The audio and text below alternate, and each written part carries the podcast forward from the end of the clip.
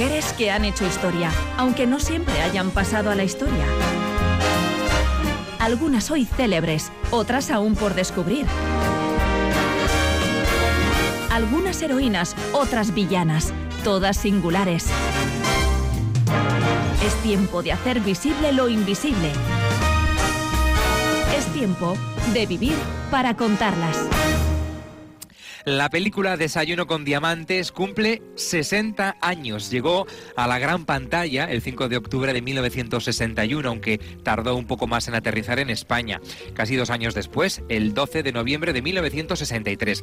Este aniversario nos va a poner en bandeja de plata la oportunidad de repasar la vida de su inolvidable protagonista, sí, Audrey Hepburn, estrella inmortal del viejo Hollywood. Edurne Vaz, ¿qué tal? Hola. Hola, muy bien. Y me va a encantar hablar de Audrey Hepburn porque más allá de Desayuno con Diamantes, que es la película más reconocida, tiene otras tantas en su filmografía muy interesantes. Está considerada por el Instituto Estadounidense del Cine la tercera mayor leyenda femenina del cine norteamericano.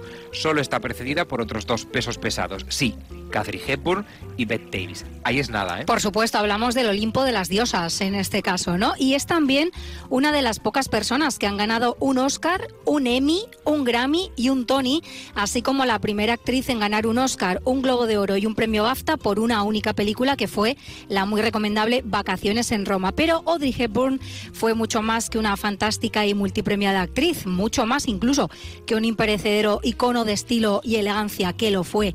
Pero fue sobre todo, y en sus propias palabras, una persona que nació con una enorme necesidad de afecto y una terrible necesidad de darlo, cosa que hizo como activa embajadora de UNICEF durante toda su vida. Repasamos hoy esta azarosa vida de la melancólica princesa de Hollywood que tenía, paradójicamente, yo creo, la sonrisa más bonita que jamás se haya visto en el cine.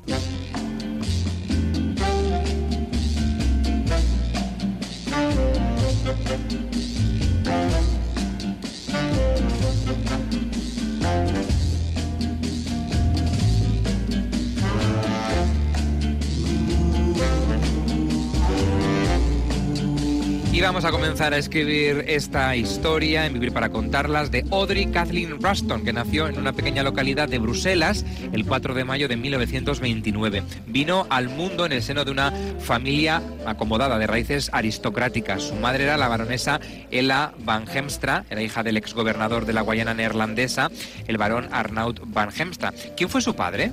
Bueno, su padre era británico, se llamaba Joseph Victor Anthony Ruston y era en realidad más aspirante aristócrata que verdadero noble, ¿no? Porque cambió su apellido por el de su abuela materna, convirtiéndolo en Hepburn Raston y sugiriendo con ello que era descendiente de James Hepburn, tercer esposo de María Estuardo, reina de los escoceses. Iba muy a tope este hombre en este sentido, pero no parece que esto fuera cierto, se inventó su propio linaje y noble o no, lo que sí parece claro es que era un auténtico buscavidas, atraído por el dinero y la posición social, con poca intención de trabajar y más que cuestión en su papel como esposo y padre, por decirlo así, de una forma amable. En 1935, cuando Audrey tenía solo seis años, sus padres se divorciaron y su padre, simpatizante nazi y vehemente antisemita, abandonó a la familia y se trasladó a Londres, donde se unió a la Unión Británica de Fascistas, las camisas negras. Cabe señalar que la madre de Audrey también simpatizó e incluso colaboró con el régimen nazi en los primeros años de su ascenso al poder, aunque no iba a tardar en comprobar en sus propias carnes cuán peligroso era el monstruo al que había estado alimentando.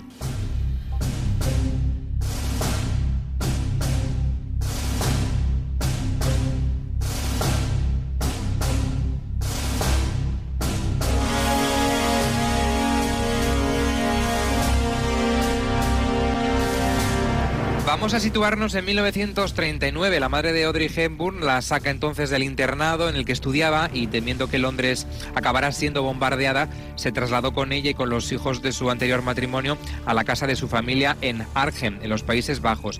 Eh, mm, ¿Pensaron Edurne que sería un territorio seguro cuando hicieron esa mudanza? Lo pensaban y por eso dejaron Londres, pero se equivocaron de lleno, ya que poco después esa ciudad se iba a convertir en el escenario de una de las batallas más cruentas de la Segunda Guerra Mundial Audrey, a quien su madre había rebautizado con el nombre de Eda para que no sonara tan inglés, ingresó en el conservatorio para estudiar piano y ballet clásico, que era una disciplina que adoraba y a la que siempre quiso dedicarse. Pero las cosas se pusieron realmente feas en los Países Bajos con la ocupación nazi y la aterradora e infame presencia de las SS por sus calles. Durante el invierno de 1944, los alemanes confiscaron los alimentos y combustibles de la población neerlandesa y sin comida ni forma de calentar sus hogares, la presencia de famélicos cadáveres en las calles empezó a ser una triste constante. Además, la familia de Audrey se unió a la resistencia, ofreciendo refugio a los perseguidos y recaudando fondos destinados a la lucha. Ella misma, que era una adolescente, colaboró llevando mensajes escondidos en sus zapatos u ofreciendo espectáculos de danza clandestinos con los que, además de reunir donativos para la causa, ofrecía a los asistentes la oportunidad de escapar siquiera durante ese rato de los horrores de la guerra y de las dantescas imágenes que ésta dejaba a su paso, de las que ella, por supuesto, tampoco escapó. Y es que su tío y un primo de su madre fueron fusilados.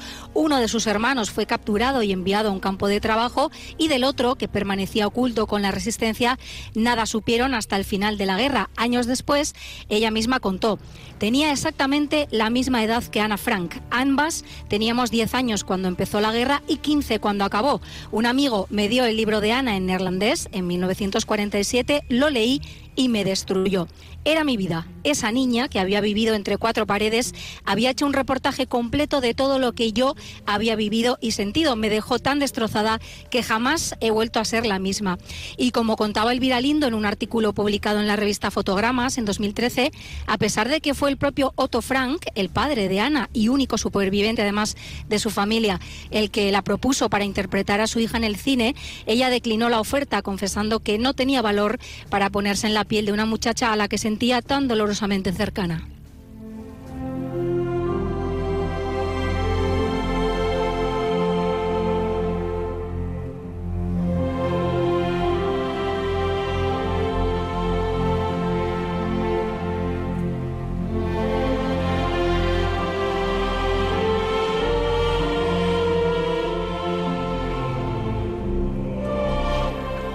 Aunque con heridas físicas y también evidentemente emocionales que jamás llegarían a cicatrizar, eh, Audrey Hepburn sobrevivió a la guerra. El país fue liberado por las fuerzas aliadas y la Administración de las Naciones Unidas para el Auxilio y la Rehabilitación intervino para ayudar a la población en la recuperación. ¿Cómo recordó ya la posguerra? Con mucho agradecimiento, pero ella, por ejemplo, solía contar que un soldado americano casi la mata de la diarrea porque le dio cinco tabletas de chocolate tras la liberación de Holanda y claro, se las comió de una sentada y le sentaron muy mal, ¿no? Jamás olvidó lo que había significado para ella recibir ayuda en aquellos durísimos momentos y en el futuro se aseguraría de devolver con creces lo recibido mediante su activa labor humanitaria. En su discurso como nueva embajadora de buena voluntad en 1989, ella dijo, sé perfectamente lo que UNICEF puede significar para los niños porque yo estuve entre los que recibieron alimentos y ayuda médica de emergencia al final de la Segunda Guerra Mundial y siento una enorme gratitud. Y es que la severa desnutrición que sufrió, como todos los niños y adultos también en aquel momento durante la guerra, pues dejó huellas imborrables en su cuerpo y tras la contienda ella retomó su formación como bailarina clásica y en Londres, en este caso ya, le preguntó abiertamente a su profesora, la prestigiosa Marie Gambert, si creía que tenía futuro como bailarina profesional y con total honestidad su profesora le dijo que veía complicado que pudiera convertirse en primera bailarina por dos motivos fundamentales. El primero, su altura, que rondaba el metro setenta y esto hacía difícil emparejarla. Y, en segundo lugar, y no menos importante, su frágil constitución, ¿no? Claro, producto de esas privaciones a las que se había visto sometida, tenía una anemia muy severa y tuvo que aceptar que la guerra le había arrebatado ese sueño de convertirse en bailarina, el sueño que paradójicamente había mantenido viva su esperanza durante los años de la guerra, pero bueno, era hora de trazar un plan alternativo.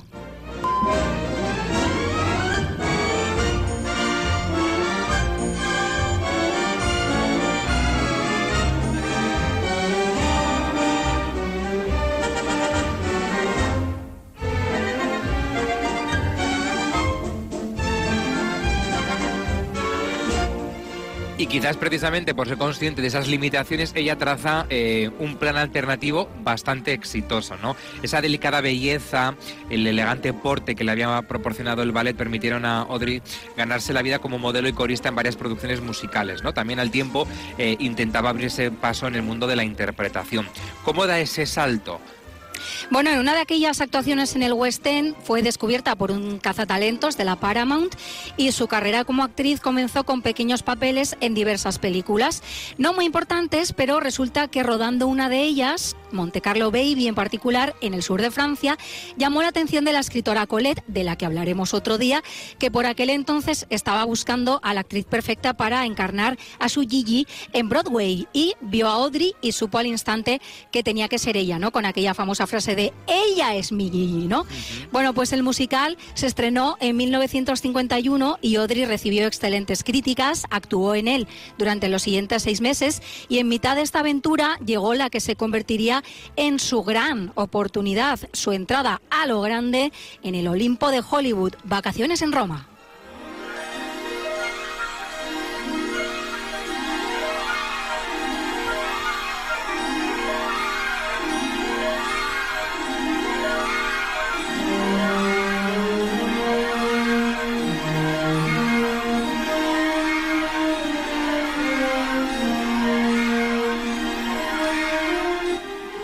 Confieso que es una de las películas que más me gustan de Audrey Hepburn. Es maravillosa. Mm, Vacaciones en Roma, a pesar de que, como decimos, la gran fama la tiene Desayuno con Diamantes, ¿no? Pero Vacaciones en Roma es especial, ¿no? Porque es un cuento romántico sobre una princesa a la fuga que disfruta de una memorable noche recorriendo de incógnito esa ciudad, ¿no? Junto a un periodista, que en este caso ya saben que está interpretado por Gregory Peck. ¿Fue un papel casi escrito para ella? Bueno, ahora nos parece que debió serlo, ¿no? Pero en realidad Audrey Hepburn no fue ni mucho menos la primera opción que se barajó, pero hay que decir que el director William Wyler cambió de opinión en cuanto le hizo su primera prueba de cámara y como Colette dijo, es ella clarísimamente. Por aquel entonces su compañero Gregory Peck ya era una estrella consagrada y estaba previsto que su nombre apareciera destacado en el cartel de la película, pero tras el rodaje el propio Peck pidió que ambos nombres se les considera la misma importancia. Los sueldos, eso sí, fueron muy, muy distintos, pero esa es otra historia aún vigente, por cierto, en muchos casos. Pero bueno, se hicieron muy buenos amigos durante el rodaje y lo fueron durante el resto de sus vidas. Se rumoreó, como no, que podrían haber tenido una relación amorosa, pero ellos siempre lo desmintieron. Y de hecho, fue Gregory Peck quien le presentó a Audrey al que se iba a convertir en su primer marido, el también actor Mel Ferrer, que era amigo de Gregory, ¿no? La cuestión es que aquella recién llegada se llevó, como había pronosticado el propio Peck, el Oscar como mejor actriz por su interpretación en Vacaciones en Roma y lo recogió muy jovencita, visiblemente nerviosa, tímida, insegura, pero muy feliz y muy agradecida como siempre. I want to say thank you to everybody who in these past months and years have helped, guided, and given me so much. I'm truly, truly grateful and terribly happy.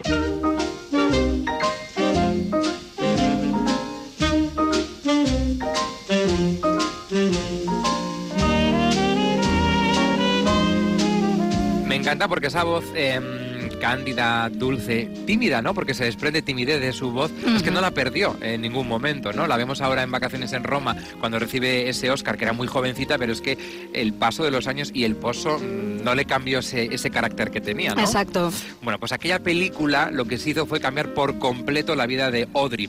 Y ella rompió además em, todos los moldes en los que se intentaba hacer encajar a las actrices del momento. ¿Por qué decimos esto? Bueno, porque en contra, de, digamos, de los cánones estéticos imperantes del momento, ella era sencilla, era cercana, era natural. Al tiempo tenía ese distinguido porte, ¿no? De una bailarina y una belleza casi etérea que poco tenía que ver, pues, con las curvilíneas bombas sexuales de la época. Pensemos en Marilyn y en otras actrices, ¿no? Del momento. Pero fijaos en lo curiosa que resulta siempre la autopercepción, porque la mujer que había encandilado al mundo entero en vacaciones en Roma se consideraba un patito feo. Ella decía, soy todo lo contrario a una belleza e incluso a una mujer guapa.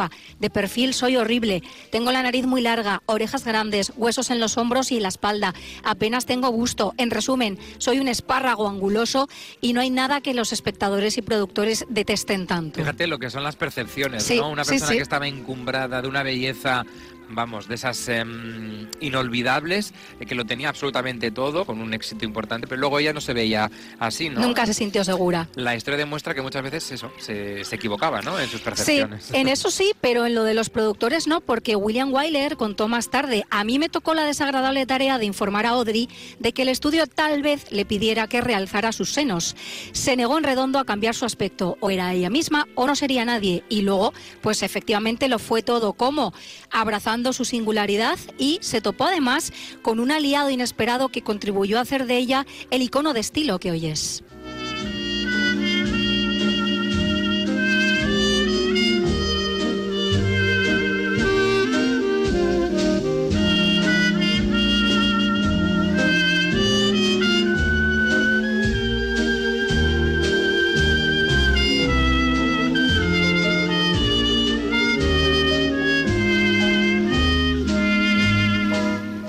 Tras el éxito de Vacaciones en Roma, Audrey Hepburn protagonizó junto a Humphrey Bogart y William Holden la película Sabrina, también importante en su filmografía. Es una comedia romántica dirigida por otro grande del cine, Bill Wilder.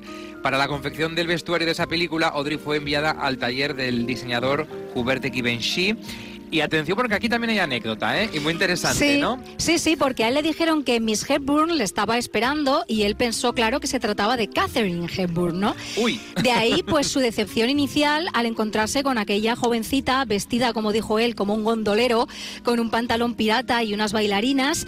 Y hay que decir que al principio Givenchy rechazó vestirla, pero ella logró convencerle de que aceptara el encargo. Y no solo lo hizo, sino que se convirtieron en íntimos amigos de por vida. Ella fue y así lo reconoció siempre el diseñador, una de las personas más importantes de su vida, su musa indiscutible y su mejor embajadora, sin ninguna duda. Mejor, porque eso con Catherine Hepburn no lo habría conseguido. ¿eh? La sobriedad vistiendo y el estilo que marcó. No, ella eh, tenía otro Catherine gran Hepburn, estilo, ¿eh? Catherine, Era otra cosa muy distinta. pero no, ¿eh? no era el de Givenchy. Y en adelante, eh, además, él la vistió en prácticamente todas sus películas y también en la vida real, incluida su segunda boda.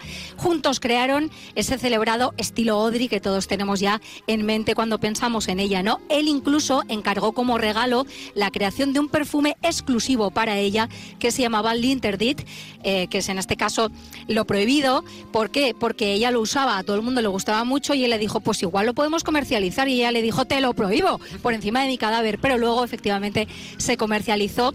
Incluso hoy en día la firma lo sigue vendiendo, pero ya el aroma no tiene nada que ver con el original. Su papel en Sabrina le valió una nominación al Oscar, que finalmente se llevó Grace Kelly, y ese mismo año Audrey volvió al teatro para protagonizar la obra Ondine, junto al que se iba a convertir en su marido, sí, el antes aludido Mel Ferrer.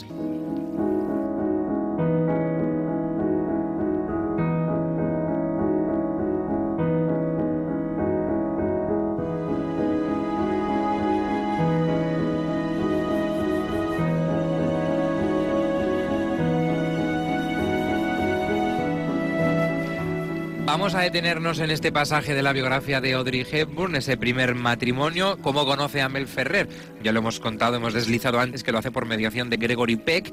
¿eh? Audrey Hepburn y el actor y director Mel Ferrer se conocen entonces, como decimos, por mediación de Gregory Peck en Hollywood en 1954. Ese mismo año, además, se casaron, o sea, fue un noviazgo breve. ¿eh? Y en julio de 1960, seis años después de contraer matrimonio, nació su hijo Son. Se hacía realidad por fin ese anhelo de Audrey de convertirse en madre tras varios eh, abortos naturales que la sumieron en profundas depresiones. Am, ¿Cómo le fue en el matrimonio? Bueno, superar esos abortos fue muy difícil, entiendo que para ambos, pero desde luego para Audrey lo fue y así lo ha manifestado ella siempre. Pero pese a que se prolongó durante más de una década, el matrimonio con Mel Ferrer pues se enfrentó a otras dificultades también muy serias. Y es que él, que era 12 años mayor que ella, se sentía intimidado y celoso por la juventud de ella y por su éxito profesional, lo que hizo que mantuviera una actitud dominante y controladora, ¿no? Y además le fue infiel en numerosas ocasiones. También a ella se le atribuyen por aquella época algunos romances no confirmados con hombres como el entonces senador John Fitzgerald Kennedy o con algunos de sus compañeros de rodaje. Finalmente se divorciaron en 1968 y apenas un año después Audrey contrajo matrimonio con el psiquiatra italiano Andrea Dotti, por el que incluso aparcó su carrera y se instaló en Roma. Tuvieron un hijo hijo, que se llama Luca, pero las constantes infidelidades, otra vez en este caso de un insaciable Doti, destrozaron a Audrey, que acabó por divorciarse de nuevo en 1976. Ella siempre creyó que el temprano abandono de su padre había afectado a su relación con los hombres. Esto es muy freudiano, ¿no? Pero ocurre mucho. Y dijo, siempre me sentí muy insegura con respecto al cariño y muy agradecida por el amor recibido, pero el abandono de mi padre permaneció conmigo a lo largo de todas mis relaciones. Cuando me enamoré y me casé, siempre viví con el miedo de que me abandonaran. Y en efecto, sus dos maridos, particularmente el segundo, le rompieron el corazón igual que lo había hecho su padre de niña. Incluso muchos años después, cuando logró localizar a su padre a través de Cruz Roja, no había vuelto a tener contacto con él desde niña, él se volvió a mostrar frío e indiferente y a pesar de aquel nuevo desplante, hay que decir que Audrey se hizo cargo de él económicamente hasta el final de sus días.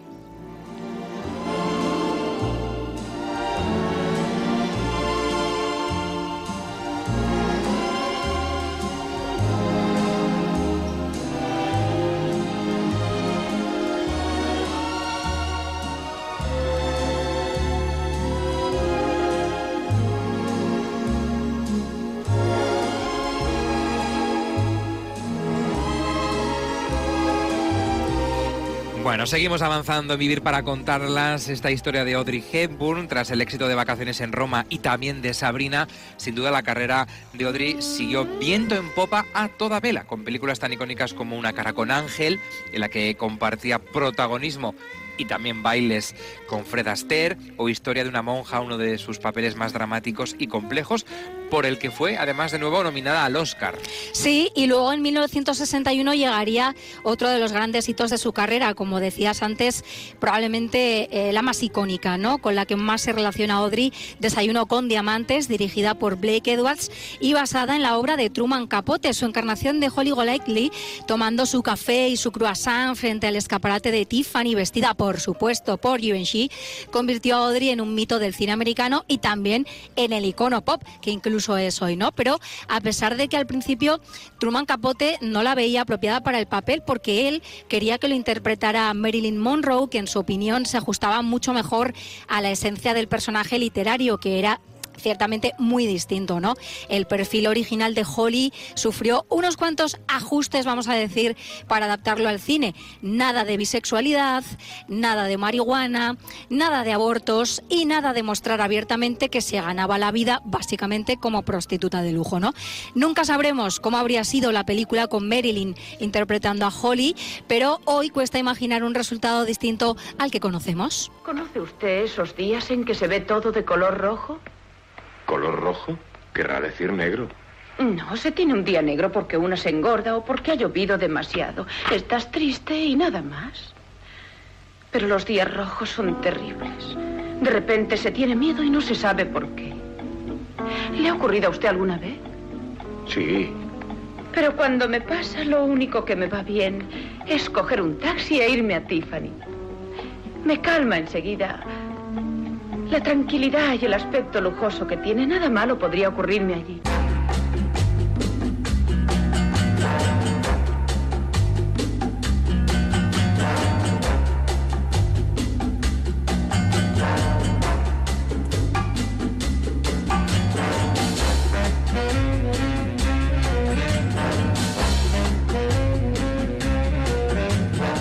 Visita eh, obligada, ¿no? Cuando uno viaja a Nueva York, parar en, la, en el escaparate de Tiffany's, no sé si con un croissant, como con Audrey Hepburn, pero desde luego que hay que ir y asomarse, ¿no? Ese escaparate donde las cosas son prohibidas, están prohibitivas, no se puede comprar. Bueno, yo me compro el croissant, lo que no puedes comprarme el vestido de Givenchy, pero bueno, podemos las simularlo. de dentro, ¿no? Tampoco. En cualquier caso, eh, con este trabajo, con un desayuno con diamantes, Audrey Hepburn volvió eh, a cosechar y conseguir otra nominación al Oscar y siguieron además llegando grandes películas memorables. Recuérdanos algunos de los títulos que protagonizó Audrey. Bueno, tiene una filmografía prolífica, ¿no? Hay muchas muy conocidas y otras no tan conocidas, pero podríamos destacar la Hitchcockiana Charada con Cary Grant como coprotagonista. Podríamos hablar de Dos en la carretera, que no está entre las más conocidas y está entre mis favoritas. Me gusta mucho esta película en la que comparte protagonismo con Albert Finney y además que recorre la evolución o involución, según se mire, de una pareja, de un matrimonio a lo largo de 10 años,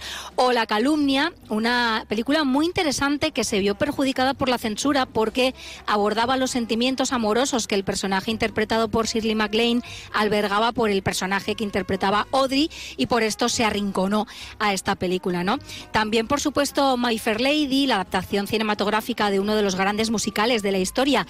Julie Andrews lo había protagonizado primero en Broadway, pero Jack Warner, de la Warner Manda Más, pues consideraba que le faltaba experiencia en el cine. Y finalmente eligieron a Audrey como protagonista junto a Rex Harrison, que sí había interpretado el mismo papel sobre las tablas. Y aquí llega la polémica. Aquí llega la polémica ¿eh? y la chapuza enorme. La chapuza absoluta. Porque ella ya había demostrado en Una cara con Ángel o en Desayuno con Diamantes que podía cantar y además estuvo preparando a conciencia para hacerlo.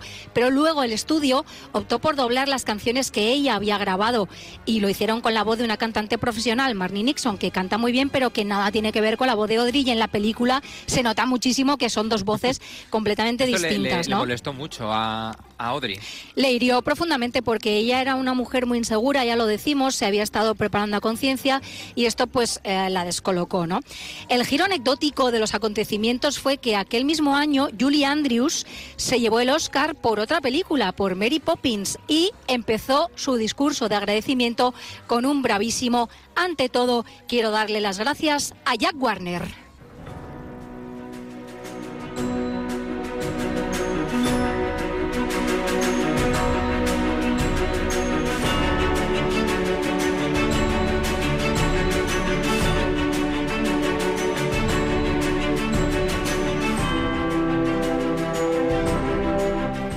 Y en la cúspide de su carrera profesional y pese a que recibía millonarias eh, ofertas, Audrey Hepburn fue espaciando progresivamente sus trabajos en el cine.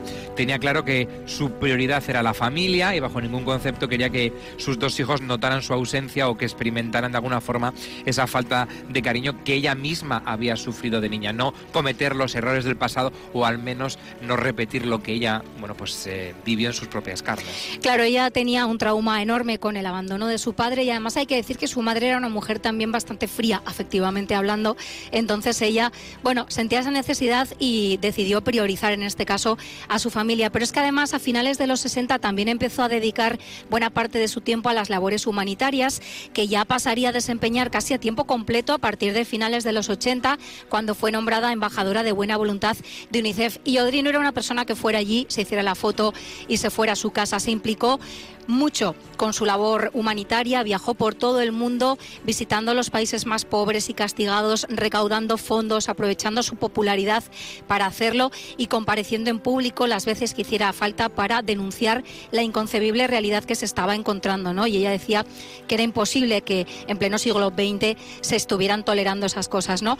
Compartió esta tarea y también la última etapa de su vida con Robert Wolders, que era un actor holandés, cariñoso y leal, por fin encontró a una persona, ¿no?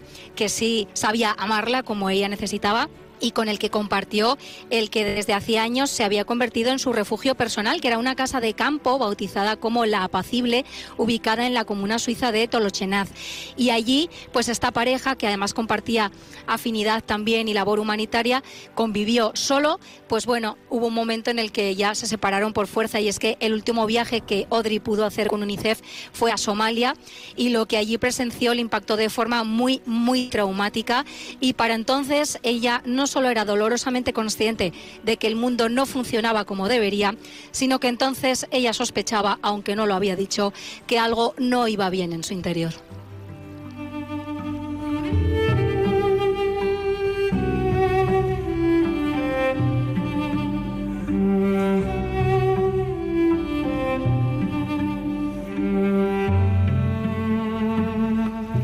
Y llegamos al final de este Vivir para contarlas de Audrey Hepburn, eh, coincidiendo con ese cáncer de colon terminal que le diagnosticaron y que bueno, pues le obligó a abandonar su labor humanitaria ¿no? y a dedicarse a cuidar su salud. Le llegaron a operar, pero ya vieron cuando le intervinieron que había poco que hacer y a finales de 1992, sabiendo que el final estaba cerca, quiso volver a la apacible. Los médicos le dijeron que no iba a soportar el viaje, pero su buen amigo Givenchy fletó un jet privado lleno de Flores para que pudiera viajar cómoda y segura desde California hasta Suiza. Y allí pasó sus últimas navidades rodeada de sus seres queridos. Murió el 20 de enero de 1993 con solo 63 años y allí también, a unos metros del que fue su refugio personal, esa casa de campo que tanto le gustaba, descansa hoy en día la melancólica, tímida e insegura princesa de Hollywood, marcada por la tragedia de la guerra el abandono de su padre y esa fría afectividad de su madre, pero hizo muchísimas cosas fantásticas en la vida y afortunadamente sí hubo personas que supieron quererla y a las que ella también devolvió ese cariño pero parafraseando a su hijo mayor Sean, se apagó paradójicamente la estrella que no veía su propia luz. Hoy en Vivir para contarlas la historia de Audrey Hepburn, la melancólica princesa de Hollywood, poseedora, como decíamos, de la sonrisa más bonita que jamás se haya visto en el cine. Edu Rebaz, es que ricasco. Es